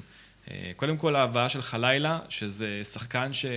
שיודע לשחק עם הגב יותר טוב מכל חלוץ שהיה במכבי בשנים האחרונות. זאת אומרת, יותר טוב משכטר, יותר טוב מבלקמן, יותר טוב מאופואדו, שאומנם היה חזק, אבל הוא היה קטן. שוינפלד שהיה מאוד גדול אבל לא עושה כזה טוב עם הגב, זאת אומרת חלילה הוא ענק, קשה לקחת לו את הכדור אה, וגם פריצה הוא יודע, הוא יודע לעשות את זה, אה, דיברו לא מעט על אה, איך שהוא עשה בית ספר לעופרי ארד, לא יודע, לא, לא, לא, לא הייתי מגזים עם זה, אבל הוא, הוא, הוא יודע לקבל את הכדור עם הגב ו, ועכשיו יש לנו שני שחקנים כאלה שזה, שזה נהדר. דבר שני, אנחנו התחלנו את העונה עם אפס דריבליסטים, זאת אומרת יש את גולסה שהוא סוג של דריבליסט, הוא לפעמים אוהב כזה לרוץ קדימה עם הכדור, גם סבורית עושה את זה, אבל מעבר לזה היו אפס דריבליסטים, שבעבר זה משהו שהתגאינו בו. זאת אומרת, לפני שנתיים היה את הטור הזה של אה, אורי קופר, של אה, מכבי תל אביב, עם הכי מעט דריבליסטים בליגה, ותראו איזה אלופה מרשימה וכולי, אה, אבל בסדר, זה עבד עם איביץ', עונה שעברה זה לא עבד, וגם מבחינת העונה זה פחות עבד, ופתאום, תוך, בשבועיים האחרונים יש לנו שלושה דריבליסטים. יש לנו גם את קניקובסקי, גם את דן ביטון וגם את קוואס. אה, אני הייתי בטוח שדן ביטון ישחק באגף באמת, וקניקובסקי באמצע. אה, זה, במציאות זה הפוך, ו- ונראה שזה נכון, כי דן ביטון לא השתלב באגף. אני אפילו לא אתפלא אם במחשבה האם לחזור למכבי תל אביב, זה, הדבר, הנושא הזה דובר. זאת אומרת, אה, לא יודע אם אם דברים כאלה קורים, אבל כאילו, אני לא חוזר אם אני משחק באגף ימין כל העונה ונתקע שם, אני כבר מסיים, אה, וקניקובסקי, אגב, זה נראה שזה הרבה יותר מתאים לו, זאת אומרת, הוא הרבה יותר מגוון מדן ביטון. דן ביטון כל הזמן היה בא לקבל את הכדור באגף, או חותך לאמצע, וכזה נראה אבוד במגרש, אה, וקניקובסקי, הוא גם עושה את התנועה כשחקן אגף, והוא גם בא לקבל את הכדור שצריך. זאת אומרת, הוא עושה גם וגם, אה, הם לפעמים עושים את החילופי מקום ביניהם, שזה זה מה שציפיתי שיקרה, אבל הפוך, אבל זה נהדר ככה, וקובאס, אה, בסדר, עוד נראה. איזה חיוך. לא, עוד משהו קטן, יש, יש לך, אה, מכבי תל אביב יש איזה יהלום קטן שקצת, לא פתח טוב, אבל אה, מה שראיתי אותו ב- בגמר גביע, יש את גררו, שהוא יכול להיות מפלצת, שחקן מפלצת רצינית. נכון, הוא. כנראה, מה, כשאתה מסתכל על ילד בן 19, אתה אומר, אוקיי, אז יהיה לו תקופות שהוא יהיה בשיא, כמו בסוף השנה שעברה, שהוא באמת היה נראה כמו הנשק היחידי של מכ- של מכבי תל אביב, לבין פתיחת עונה פשוט קטסטרופלית, מבחינת קבלת כן, החלטות. גם היה שם איזה עניין עם. משמעת עכשיו. כן, שהוא- חלק מהעניין, זאת אומרת, קבלת החלטות, חוסר אה, רצון, חוסר מוטיבציה. רגע, אה, האמת הפיקציה הכי חשוב של מכבי תל אביב. השנה אילון אלמוג פורץ ושורף את הליגה. אני כן, אני חושב כן. שאפשר להגיד אילון אלמוג יש פיקציה. מצב שישרפו אותו, אה, זה. אני חושב שגם כי זה מהדברים האלה שהתאהבו בלבקר, אה, אני פחות קיצוני בתחושות שלי כלפיו, למרות ש... יש שחקנים שהאדיטוד שלהם מעצבנים את הקהל עוד לפני שהוא... זה רק התנועות, זה הכל, זה מבט, השיער, זה זה, זה... אה, סגירה טקטית. בסדר, שוב, כשאתה מעלה את אלון אלמוג, כן, אתה- הציפיות מהם שונות משחקן אחר, זה, וצריך להבין את זה. זאת אומרת, אם ייתן לו, יהיה לו מספיק זמן לכישרון שלו to shine, ואם לא, אז, אז בסדר, אז, אז לא חובה. אלמוג היו אוגסט משחקים שהוא. פתח, ועוד יהיו משחקים שהוא יפתח, אני בטוח בזה. אחי, נתנו לך שבע דקות, בשבע דקות האלה תשרוף את הדשא, אז אני, אל אני, תראה אז, אני, בעיניים. אז אני חושב שהביקורת, בואו נדבר על, על הביקורת המטורפת שהייתה עליו, על השבע דקות נגד מכבי חיפה, אבל לא פעם ראשונה, ממש חושב, לא פעם ראשונה. ואני חושב שהוא לא כזה גרוע בשבע דקות האלה. הוא קיבל כדור, הוא עבר. שחקנים, מה זה איבד? בעט לשער מ-16 מטר, אחרי זה שם אה, גול שלא כל אחד היה פוסל לו את זה, ובסדר, הוא לא השחקן הכי מסודר, הוא כן מאוד כישרוני, יכול להיות שלמכבי תל אביב כישרון לבד לא יספיק, ואותו דבר זה יהיה נכון לגררו. ויכול להיות שאם ייתנו לו לשחק, אז יכול להיות שהוא יהיה יותר טוב. האם כרגע, כרגע הוא נמצא נמוך מאוד ברוטציה, בצדק, אבל לא בטוח שזה הסיפור. דרך אגב, אמרת דן ביטון, אני מאמין שבשלב מסוים דן ביטון יהיה שחקן ספסל. אמרת, אני. לדעתי ישחק באגף, ישחק מאחורי החלוץ. אגב, אלמוג פתח נגד אה, מכבי פתח תקווה ושיחק טוב. אה, זאת אומרת, זה לא שהוא אפס מוחלט, אבל אני אומר ששחקן, ואני יכול לראות לך גם משחקים שנה שעברה, גבוהות, ו- שהוא נכנס בדקות האחרונות, אני לא מדבר, הציפיות זה כשהוא פותח, בסדר, אבל נכנס לדקות האחרונות, אני מצפה שהוא יילחם. וזה מזכיר לי את, אה, נגיד, דיה סבא, שדיבר על התקופה בבאר שבע, שהיו מכניסים אותו לכמה דקות, אז בכמה דקות האלה, במקום כאילו לחשוב איך הוא תורם לקבוצה, הוא רק היה חושב, איך אני עושה איזה משהו יפה, שיתלהבו ממני. ובדיעבד הוא הבין שזה לא נכון, אבל ש- שמישהו ישמיע את זה לאלמוג. בסדר, בכלל, יש כאן מצב של אה, הפתיחה הלא טובה של מכבי תל אביב, שפתאום בעקבות הניצחון הזה, ככה שמה את כולם באותו, באותו מצב. ושוב, יהיה מעניין, הסגל המתגבש הזה של מכבי תל אביב, יהיה מעניין לראות עוד משחק כזה כמו נגד הפועל חדרה, קבוצות אמצע טבלה, יש ולראות הנושא- את הנושא שלא שם. אליו, שזה... הוא היה שנוי במחלוקת עד משחק אחד ששינה את הכל, זה נושא המאמן. שהוא היה. מסומן כ... שזה גם היה קצת בולוף, כמאמן שעשה רצף אולי הכי מדהים פה ב- בליגה. אני חושב שאדם נגע בזה. יש איזה קיבעון מסוים, אם זה בדקות חילופים. אני לדוגמה גם מכבי חיפה, אתה רואה כבר שבשלב מסוים שחקנים עייפים, תחליף, תעשה מה זאת אומרת, דברים שאתה אתה צועק, ברור שאנחנו כאוהדים, אנחנו סופר מעורבים. וזה שהמאמן מקובע, זה לא עוזר לנו, כי אנחנו אומרים, צריך לשנות, צריך לקפוץ, צריך לזרוק, אז צריך להחמיא לו על משחק נגד מכבי קודמים. הוא, הוא עשה חילופים ואמרו זה חילופים מהבית. ועכשיו הוא לא עשה חילופים נגד חיפה, ואומרים הוא לא, הוא לא מחליף. כאילו, אנחנו לא אוהבים אותו, בוא עוד נגיד את משהו, האמת. אני אגיד לך משהו שעוד משהו שמרגיז הוא אותי לא אצלו. ישן בבית שלו באותו לילה, כנראה. אני אגיד לך משהו עוד מרגיז שמרגיז אותי אצלו. אני לא אוהב מאמנים שבראיונות אחרי המשחק אני לא מבין אותם. או אני לא מסכים איתם. דיברתי על זה שברק בכר, שוב, נגיד מכבי תל אביב נכשל במשחק הזה, עשה סופר טעויות, לא, הת- לא התעמקנו, אבל זה קורה לברק בכר לא מעט. אבל לפחות הוא בא בסוף המשחק, לא היינו טובים, הגיע לנו להפסיד, חטפנו, הייתי צריך לעשות חילוף קודם, בסדר, נלמד את זה, עניינים הולך, אני מעריך את זה. מאמנים בדרך כלל כשהם מתחילים לדבר שטויות, אז אתה מתחיל לאבד את הקשר איתם. זה יכול ו- להשתמע לפעמים כאילו מאשים כל פעם אחרים, כאילו... להשתמע, הוא תמיד מאשים אחרים. הוא מאשים את השופטים, הוא מאשים את השחקנים, את החילופים, את הכוונים, את הדשא, את הסדר משחקים. ובחיית, אנחנו מכבי תל אביב. אז אודי יגיד, מכבי תל אביב, נו, מה אתה רוצה? אז אתם מתלוננים. אבל אני אומר, זה מכבי תל אביב, אתה תעסק עם זה, אף אחד לא הכריח אותך לשחק באירופה, נכון? אני. אז אה, אתה לא יכול, אני, אני, ב- אני קשה לי, אין לי בעיה עם, אתה יודע, להפעיל לחץ ודברים שבלתי אמצעים, הכל בסדר. אבל תעשה את זה בקלאס קצת, תעשה את זה עם איזה חינניות מסוימת. כאילו לבוא כל פעם לרטון בכל ראיון, שכולם היו צריכים להיות יותר בסדר, והפועל, זה מאוד לא הולנדי בעיניי. אני, אני, אני חושב שהוא פשוט מאמן בצורה של, כאילו, הוא מאמן כמו מנהל מקצועי ולא כמו מאמן. אה, מנהל מקצועי, העבודה שלו נמדדת לאורך זמן והטמעה של משהו אה, עקרוני ו- ו- והסתכלות רחבה ולהתוות דרך ומשהו שאמור להיות בזה, ומאמן צריך לחיות משבוע לשבוע ומדקה לדקה.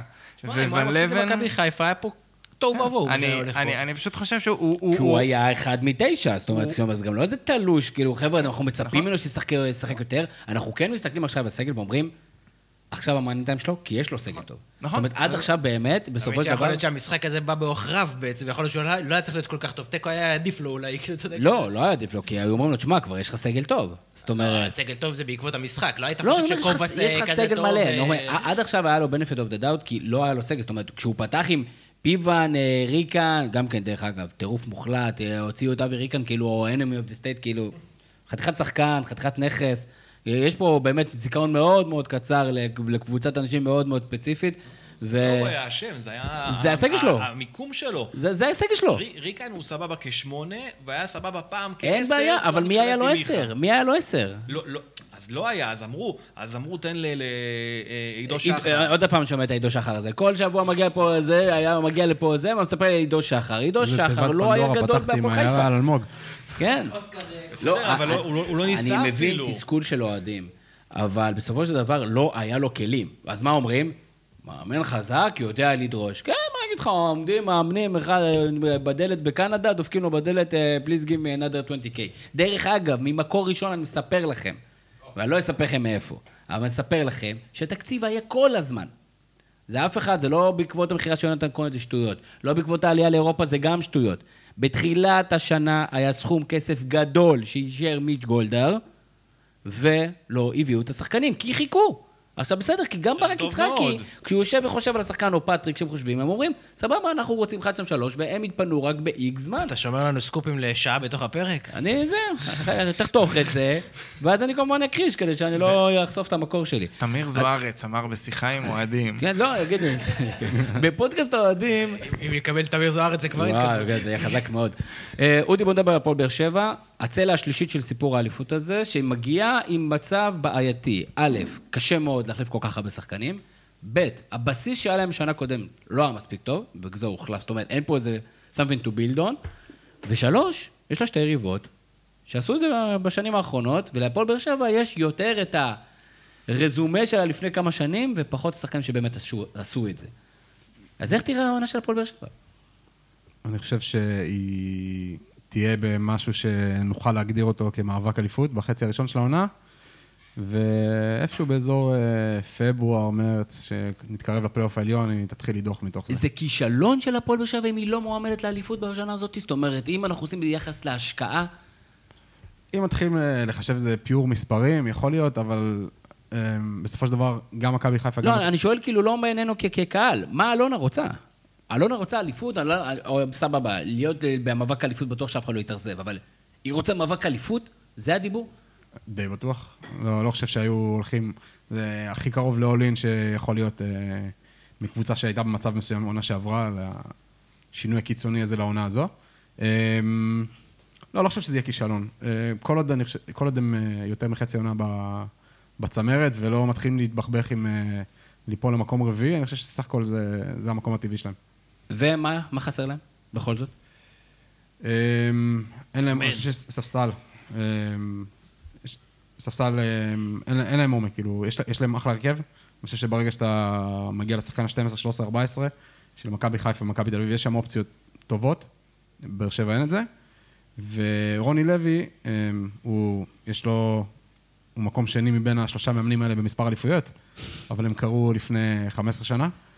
אה, אני לא חושב שהוא גרוע או נקודת תורפה, כמו שאוהבים להגיד עליו, אבל אה, הוא לא מביא להם איזה שדרוג מסוים, שבגלל שהסגל שלהם טיפה נחות, אני לא חושב שהוא אה, מביא להם את השדרוג שהם צריכים.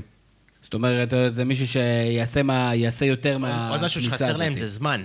כולם שם, זה צריך לקרות כאן ועכשיו. כאילו, אין להם עכשיו זמן לבנות עכשיו משהו, זה, זה צריך להיות, אה, זו העונה. שמע, הם נורא רגישים, כאילו, מי בוכה, גם- אה, מי אה, בוכה אחרי פנדלים בגביע הטוטו? כן, מאוד רגע, טוב. זה- לא, אבל, אבל, אבל יש שם המון ניסיון ברק. בקבוצה הזאת המון המון ניסיון, גם ניקיטה רוקאביצה, גם שכטר, גם טיבי, מיכה. גם מיכה. בוא נגיד, אם נחבר את מספר האליפויות של הקבוצה הזאת, יש להם הרבה יותר אליפויות ממכבי חיפה. נכון. אז, אז מה בכל זאת? זאת אומרת, אז לא יכול להיות שהם צריכים פחות זמן, כי הם שחקנים מנוסים. לא, אבל כל קבוצה צריכה זמן להתחבר, גם את אה, כל הגלקטיקס למיניהם, זה הסיכוי, הסיכויים לא לטובתם, שאתה מביא כמויות כאלה של רכש להתחבר. צריך להיות כימיה מאוד מאוד מיוחדת בחדר הלבשה ובמקצועית, ומאמן מוצלח, ו... זה צריך להיות משהו מאוד מאוד מוצלח שזה יתחבר על הוואן, כאילו על הפעם הראשונה, בלי תיקונים, או בינואר או בשנה הבאה. בואו נראה. אגב, גם דיברנו על כל הסגלים, יש גם ינואר, מכבי תל אביב, מכבי חיפה, יש גם ינואר, כאילו, לא צריך... אה, הכל בסדר, כאילו, אפשר עוד לתקן. אנחנו יודעים שעשינו כבר איזה מספיק אה, ניס- נוסחאות, ינואר בדרך כלל לא מביא איתו בשורות גדולות, אלא אם כן זהבי יתעצבן מזה ש-45 דקות הוא משחק כזה, וזה יכול להיות Game Changer. אה, תגיד לי, ברק, אה, דיברת זהבי איתי על לבאר פטריק? שבע? דיברת את... לך. תדע, אם זה שחקן שהיה במכבי הוא תל רוצה אביב, לקנות? המ- המ- המסע ההירואי של זהבי להחזיר את הפועל פתח תקווה לצמרת. אם זה שחקן ש... שהוא היה במכבי תל אביב והוא מעל גיל 30, יש סיכוי סביר מאוד שהוא יבוא באר שבע. אני... דיברת על פטריק, סביב רוני לוי יש מכון שדים לא פחות. לא פחות גדול, אה, בצדק? אה, אני לא יודע מה היה האלטרנטיבות, כלומר, אני יודע שרצו את רן בן שמעון, אבל הוא לא היה זמין כל כך כרגע. עושה רושם שהטלפון שם כבר יכול להתחיל לצלצל, לא? בקרוב, נראה גם, לי... גם נראה יש לי- היסטוריה של עסקאות נראה- בקו, בציר הנפט בדיוק, הזה. נראה לי שזה כבר, זה רק עניין של מתי, לא עניין של... אה, השאלה עם איזה שחקנים הוא יגיע, כן. זה- זה כבר, כאילו, תופרים את זה ברמה הזאת. כבר לא נשארו שם. אני אומר שאם מכבי תל אביב תנצח בטרנר, מה שדעתי לא יקרה, אבל אם מכבי תל אביב תנצח בטרנר בזה, יתחילו שם... אבל איך- איך. איך רוני לוי, כאילו... הוא לא יוצא מזה, הוא- כאילו... הוא הוא לא טוב בהתחלת עונה, הוא לא טוב בכלל, נראה, הוא כאילו... וגם באמצע העונה לא כל כך הוא- טוב. הוא בלופ אינסופי שכאילו, הוא לא תופסים ממנו מאמן טוב, לא משנה מה הוא עושה, הוא גם בא עם אנטי נגדו של הקהל לפחות, כאילו... לא תופסים ממנו, מה מה זאת אומרת? כי כי הוא לא עושה מספיק, זאת כן, אבל אומרת, זה אנחנו לא... אם הוא היה עושה... אנחנו- הוא לא קיבל, הוא קיבל אפס קרדיט, כלומר, גם השנה, אחרי בניית הקבוצה, יש לו אפס קרדיט לנסות אפילו, וזה מעניין, כאילו, זה... אתה יודע, הוא לא מאמן טירון. לא, אבל בגלל שהוא לא מאמן טוב, זאת אומרת, אמר אודי, בצדק. באליפות האחרונה שלו לפני 15 שנה, אתה לא מגיע אליו במצב, אה, שאתה יודע, של מאמן חדש... אה, בסדר, מצד שני, אתה יודע. אה, ארבע אליפויות בשש האחרונות זה בכר, והאחרים מסביב זה זרים. אז כאילו, אין פה מאמן ישראלי שלו, לא, חוץ אבל מבכר שלקח אבל אליפות. לרן בן שמעון יש עדיין את גלי הפלייאוף העליון.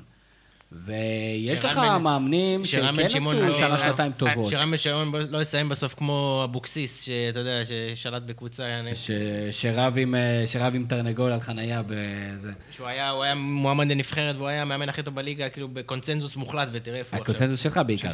נכון, אתה- אני אתה באת פה ואמרת שהוא יותר טוב הוא היה מברק בכר. שנתיים המאמן הכי... שימו לי את ההקלטה. טוב. אני הוא- חושב הוא היה ש... הוא היה- הוא היה שנתיים מאמן הכי טוב בליגה, שנתיים. הוא עשה שנים אה, טובות. כן. חוץ מאיביץ' ובכר. כן, כן, נו, שוב, הוא-? עשה- לא מעט. בכר. מי זה? אה, לא, זה מישהו שהפסיד בחצי גמר גביע, ואחרי זה אמר שהגיע לו פנדל. אה, אדם, בוא בוא ניכנס אה, שוב, פנימה. מה חסר לפועל באר שבע? אמ, קודם כל, יש להם נקודה אחת יותר מהיריבות שלה כרגע. כן, אמ, אני חושב שמה שאמרתם נכון. אה, הרכב טוב, מאמן שהוא לא שובר שוויון. אה, יש להם מזל שהם. לא באירופה. כאילו, אם הם היו גם מכניסים לכל זה היה מפרק אותם. אנחנו מסכימים. אני- אני חושב שאם מצד שני, אלונה, בקטע הזה יש לה כאילו מאזן אה, הכנסות, אה, הוצאות מאוד משמעותי. זאת אומרת, אם זה היה, פתאום היו נוחתים פה עוד איזה חמישה שחקנים. כן, אני חושב שלמרות שהם לא עלו לאירופה, הסוף של החלון העברות הם בדיוק, כאילו אם היית שואל אותי לפני שלושה שבועות, הייתי אומר מגן שמאלי וחלוץ מרכזי. ואז הם הביאו. שני מגן חלוצים. שמאלי ו... ומגן שמאלי שנראה. מעניין. כן, מגן שמאלי שנראה... כנראה המגן השמאלי הכי טוב שאי פעם נחת פה. אה, מעל הליגה. כן, מעל הליגה. מגן שמאלי מעל הליגה, לא, מעל וניקיטה. לליגה, זה הכוונה. כן, אז, אז באמת שנראה שיש להם הרכב ברמה מאוד גבוהה. אה, זה פשוט עניין של חיבור, וכמו שברק אומר, זו קבוצה מאוד מבוגרת, כלומר, לא, לא ברור, מהלך מאוד יודעים, מוזר. ואנחנו יודעים שאין הרבה מכשירי אקמו היום בישראל. אבל uh, אני מאוד מקווה שהפועל באר שבע תהיה במאבק, גם כדי קצת לטבל את זה, ו- וטרנר ככה, מה שנקרא, שיחזור להיות... הם צריך, אנחנו צריכים קבוצות חדשות קצת ל... לא נראה לי שיהיה... נראה אם אתה שואל תחזיות וזה, תשאל. מה אה, התחזיות שלך? מה הולך להיות מחר? לא, לא, לא, לא רואה מאבק? משולש, זה כאילו לא... היה בכלל דבר כזה בשנים ב... היה עם בית"ר ירושלים. אפילו הפועל חיפה הייתה שם לאיזה רגע וחצי. זה, לא יודע, לא, לא מסתדר לי, לא רואה אותם אה, מחזיקים עד הסוף. אבל אה, אתה יודע, ירימו ידיים לקראת תחילת הפלייאוף, לדעתי. אה, אם יש עדיין סימני שאלה, אז אה, מי שליד בריירו, לא ברור, פטרוצ'י עדיין לא ברור כמה הוא מספיק טוב. כלומר, לדעתי, הרבה מהעונה עליו, ואיפה מיכה משחק, ומה קורה באגף ימין, כאילו, זה, זה, אני חושב שזו שאלה מאוד מעניינת. אם מיכה וניקיטה בכושר טוב, ביחד עם אנסה, יש להם חלק קדמי מאוד מאוד מאוד משמעותי. יש להם את ההרכב הכי זקן בליגת העל? אה, לא, להפועל חיפה יש. באמת? כן. למרות סרדל? הוא כבר לא ילד סרדל. הרסנו את סרדל. אה, טוב, בואו, אה, בואו עצמו עיניים, תנוחו קצת, ובואו נצא למסע עולמי עם אודי ריבן. כן, אז אמרנו מסע עולמי הפעם, זה שאתה שואל אותי שאלות. יפה, נכון. אז אה, מסע עולמי. אז אה, קודם כל, אנחנו רוצים לענות על שאלה. שנה שעברה הייתה שנה, הייתה שנה אה, לא פשוטה מבחינת תחרותיות באירופה, ואני רוצה לזרוק לך ליגה ותגיד לי, האם יהיה מרוץ אליפות צמוד? גרמניה, לא. נכון. איטליה, כן. מי, מי הולך להיות הסוסים שם? אני מרגיש שאינטר, אפילו שהם עשו ככה, הם הגיבו נכון לשחקנים שהם מכרו, הם לא מספיק חזקים כדי לדרוס את הליגה. הם, מילאן, אני חושב שיבנו על מה שהיה שנה שעברה. אה, נפולי גם יכולים לרוץ איתם השנה. אטלנטה, שזה אולי ההזדמנות שלהם אה, לתת אשכרה מאבק אליפות. ואני רומנטי תמיד... יובנטוס? יובנטוס לא תהיה במאבק האליפות. לא תהיה במאבק האליפות. לא, ואני תמיד רומנטי לגבי מוריניו. יש לי תחושה שהתחבר לו ברומא לפחות לעונה אחת. הוא הולך חצי עונה. אה, נתחיל מחצי עונה. אה, ספרד, כן, יהיה מאבק אליפות. ראש בראש. ריאל מדריד אתלטיקו, פעם ברצלונה לא רלוונטיים. סביליה יכולה להיות? אמ, אני חושב שהם לא רחוק מעונה שעברה, הם יפלו איפשהו בדרך, כאילו ככה לקראת הסוף, וזה יהיה אתלטיקו ריאל עד הסוף, אה, שתיהן לבד, אבל תהיה אחת מהעונות המעניינות בספרד. אדם, מה אתה אומר? אתלטיקו מול ריאל? אה, לדעתי ריאל תיקח אליפות. אני גם חושב. יש לי איזו תחושה כזאת של אנצ'לוטי יבוא, יעשה את הפלומבה, הוא לא ישרוד שם לדעתי הרבה מדי, ושאלה אם הוא יצליח לעשות באמת רוטציות, שאלה אם אמבפה יגיע בינואר. קיצור, יש פה עוד... אה, זה יכול להיות באמת ינואר מעניין. זה, כן, זה מטורף. יפה, ליגה בלגית. אה, איטליה, שם אמרנו, קיזוז, ספרד, תמיד איטליה. מעניין. אנגליה, יהיה מרוץ אליפות. אנגליה יהיה מרוץ אליפות, אמ, אני חושב שבסוף צ'לסי תיקח, מרגיש קבוצה הכי שלמה שיש שם, אבל מנצ'סטר יונייטד, אתה יודע, חוץ מקשר אחורי יש שם הכל, אה, ואולי מאמן לא מספיק טוב. אמ, ליברפול בריאה יכולה לרוץ עם סיטי וצ'לסי. ברור, מה, הם לקחו פן טקטי מלירן סרדל? ליברפול יכולה לתת עונה מאוד טובה ביחד עם סיטי וצ'לסי, אני מרגיש לי שצ'לסי איכשהו אה, יצאו מזה בסוף. יפה מאוד, אני- בוא- נחליף עוד אני מילה. לא מסכים איתך. אני חושב שזה ליברפול, סיטי, כן? יונייטד, צ'לסי. וואלה. אני- תופס בטוח פשוט נורא נורא קשה להפקיע להם. הם, אה, הם סוף סוף לא, הם לא תלויים ביכולת כיבוש של ורנר או ז'ירו. ולוקקו לדעתי אולי זו העברה הכי משמעותית השנה באירופה. שהליגות שם פשוט ארוכות, וזה כאילו פשוט ליגה מאוד ארוכה. זה, זה מרגיש כאילו היא, פי שתיים יותר משחקים מאשר במקומות אחרים, בין כל השאר הליגות, וזה שהם תמיד מאוד משמעותיים בליגת האלופות. הרבה דברים עוד השתנו. כן. וכאילו זה ממש ברמה של פציעה פה, פציעה שם, שיכולה להפוך שם את כל העניינים, למרות הקבוצות החזקות. בוא נדבר עוד מילה על ברצלונה. זאת אומרת, חוץ מהעודפים, מה המצב הכספי שם כרגע? הם יכולים להחתים שחקנים? לא יכולים להחתים שחקנים? מה, מה המצב שם? הם נפטרו מאיזה 7,000 מיליארד, כאילו, מהחוב הלאומי של ישראל ב... בקיץ אחד. אני חושב שהם הצליחו לצמצם את החוב למשהו בסביבות ה... בין 600 ל-700, והוא היה... הוא עמד על... הוא עמד על אזור המיליארד, בערך, ב... נקרא לזה בתקופת השפל של הקיץ הזה. אה, אבל ברצלונה זה דוגמה נהדרת לקבוצה, שפשוט אה, ניהול מזעזע. אה, שהתחיל בערך מ-2014, כאילו, 2014 היה הקיץ הטוב האחרון שלהם, שהם הביאו את סוארז ורקיטיץ', ואז זה פשוט קיץ אחרי קיץ של אה, פזרנות חסרת אחריות. אה, הקורונה שהגיעה חשפה המון המון קבוצות ש... אבל מה, הם מפזרים יותר מריאל? הם לא מכניסים כמו ריאל. ריאל מכניסה יותר כסף מברצלונה סך הכל. אה, ופשוט הם החתימו שחקנים רעים שאתה לא יכול להיפטר מהם. אתה רואה שריאל מצליחה למכור, ועושה עסקאות לא רעות דווקא, גם במכירות. ברצלונה מחתימים את דמבלה על סכום מסי, מחתימים את קוטינו על סכום מסי, מחתימים את גריזמן, שאתה אשכרה צריך לשלם כדי שמישהו ייקח אותם ממך. אה, שש, שבע שנים ש... לא, המשכורות של ברסה כן היו יותר גבוהות. זאת אומרת, המשכורות אה, כן. לדוגמה, פרז אה, פשוט אמר לרמוס במילים אחרות, אה, לך הביתה. זאת אומרת, בגלל המשכורת שלו בגיל 35, זה לא, בברצלונה בחיים זה לא קורה. זאת אומרת, היו נותנים לו נשיא כבוד, פלוס יושב ראש, פלוס... זה די מה שקורה עם סוארז, כאילו. אתה מבין?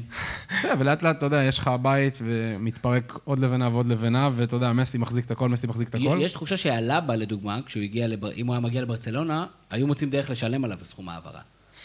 למרות שהוא הגיע חינם. לא, גם, גם לריאל מדריד היה כמה קייצים שהם אה, לא הוציאו הרבה כסף באותה סיבה, ובאמת צריכה שחקנים של ברצלונה. כאילו, ריאל מדריד הבינו מה הולך לקרות, והתחילו לקנות רק שחקנים צעירים והורידו שכר שחקנים, וברצלונה פשוט האריכה חוזים לשחקנים הכי יקרים שלה במקום לצמצם. ניהול כלכלי מזעזע. באה הקורונה גם, טרפה את כל הקלפים שיש שתי קבוצות בעולם בערך שהן עמידות בפני קורונה. אחת באנגליה ואחת בצרפת, שהן ש- שגרירויות של מדינות במפרץ. וזהו, ומי שהתנהל ממש גרוע, חטף את זה חזק. או מי שיש לו כסף בלתי נגמר, הוא יכול לעשות מה שהוא רוצה.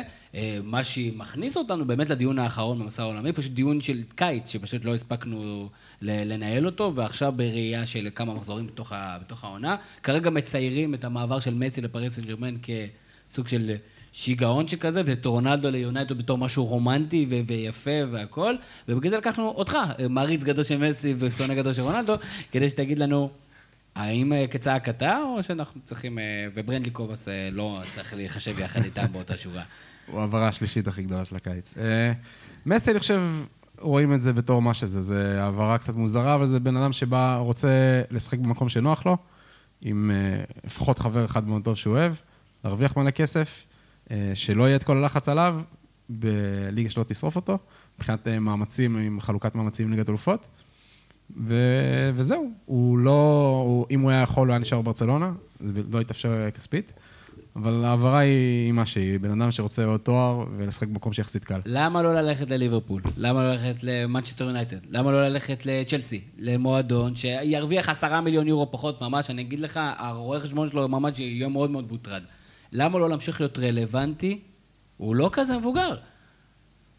יותר קל בצרפת. אז זה קשיו. אבל. האם זה יפגע במורשת שלו? לא, אני לא חושב, זה לא, זה גם לא, הוא לא עבר בשיא הקריירה בשביל כסף או בשביל משהו כזה. הוא כבר די בשנתיים, שלוש האחרונות שלו. אמ, שנה שעברה הוא קבע שזה, הוא לא מועמד מספר אחת לכדור הזהב או משהו כזה? השחקן הכי טוב בעולם. היה שנה שעברה. אולי עם לבנדובסקי. אולי. אמ, אה, אני חושב גם הוא חושב על מונדיאל, עונה יותר קלה, והוא מגיע אולי יותר טרי למונדיאל, המונדיאל באמת האחרון שלו, שאולי זו המטרה הגדולה שלו בסופו של אדם, דבר. אתה יותר אובייקטיבי, תספר לי, מה מה אתה חושב?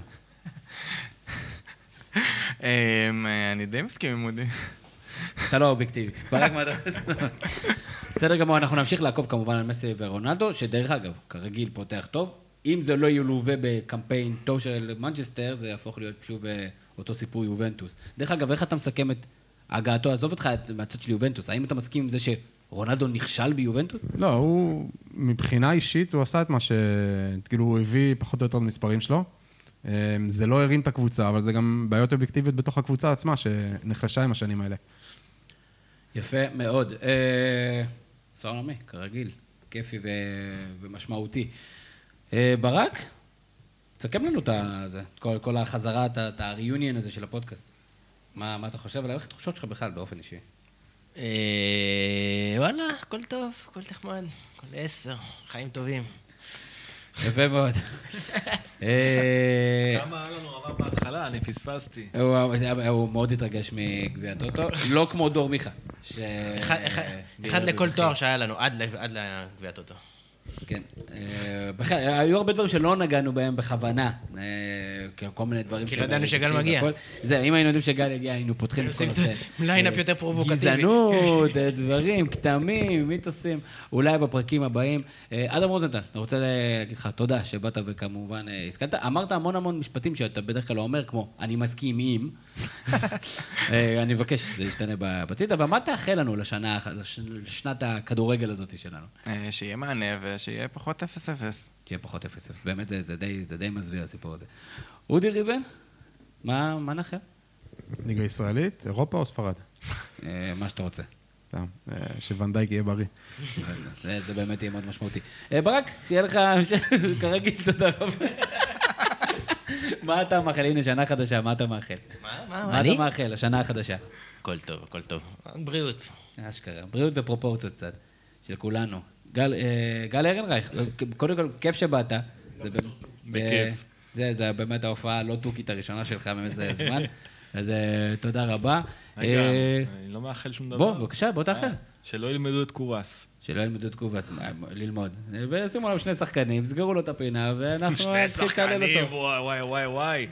ככה זה, זה כדורגל ישראלי. רק אל תביא אותו. לי גם את אה, דור מלול וגם את אה, לירן סרדל. הפועל חיפה זו קבוצה שמסורתית עושה לנו בעיות. אה, זהו, אז אנחנו מקווים שאנחנו נצליח להתמיד במהלך השנה, אנחנו, מה שנקרא, can't promise anything. אה, ברק הפך להיות אה, אבא לשלושה, אז אה, באמת אה, מברוק ומזל טוב, אנחנו מקווים שיהיה לך רק אה, נחת ואושר. זהו, אני הייתי תמיר זוארץ, שיהיה לכם המשך ערב ושבוע ושנה. נהדר. יש לי פודקאסט, מה זה פודקאסט? זה כמו חדשות. יש לי פודקאסט, מה זה פודקאסט? זה כמו חדשות.